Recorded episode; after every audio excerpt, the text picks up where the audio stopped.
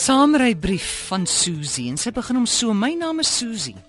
En ek ry al vir baie jare lank dieselfde 10 km werk toe met my kar Peanut. Ek is 'n getroude vrou en eggenote van doodgoeie ou Ben. Ek was al 'n hele kwart eeu getroud met Ben toe alles begin het. Op 'n dag het ek na hom gesoek. Ek praat nie nou van Benny hoor. Toe kry ek hom op Facebook 30 jaar later. Daai veelbesproke en kamptig onblusbare vlinders of vlinders in die pens eerste liefde. Eers het ons net ge-Facebook, toe ge-SMS en toe begin BBM. En sommer gou-gou daagliks op die foon gesels. Dit was hemels om sy stem weer te hoor. Eh, en hy het die mooiste goed gesê. My daaglikse roete het vinnig vinnig anders begin lyk saam met Peanut. Ek moes soggens vroeër werk toe ry sodat ek kon stop op pad werk toe vir 'n kuiertjie.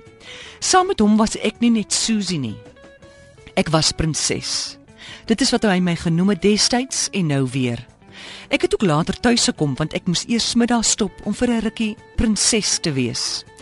Ek en prinses het gereeld rusie gemaak en veral snags wild met mekaar geredeneer. Ons het sake uitgestry en met mekaar probeer onderhandel. Susie en prinses kon nie albei oorleef nie. Een van die twee sou moes sterf en albei van hulle het geweet dat dit net 'n kwessie van tyd was voor dit sou gebeur. Seerkry was onverwendbaar. Keuses moes gemaak word. Die uitkoms van die situasie kon nie positief wees nie.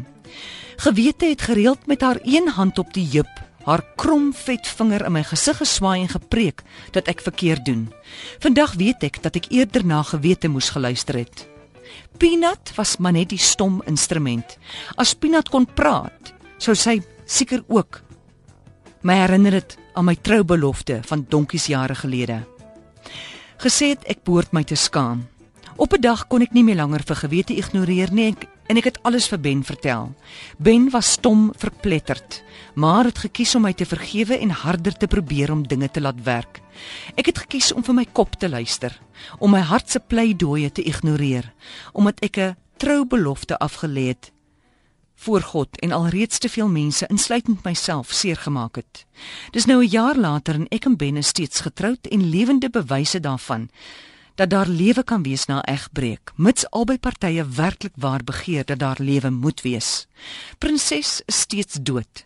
Peanut ry nog dieselfde pad en ek Ek ry daagliks verby die ontmoetingsplekkies waar prinses altyd haar liefde ontmoet het en sê dan vir myself: "Hier het jy dierlesse geleer wat jy vir altyd moet onthou." Ek sukkel nog om myself te vergewe en dink nog baie aan hom, maar ek is trots op myself dat ek gedoen het wat reg was vir ons.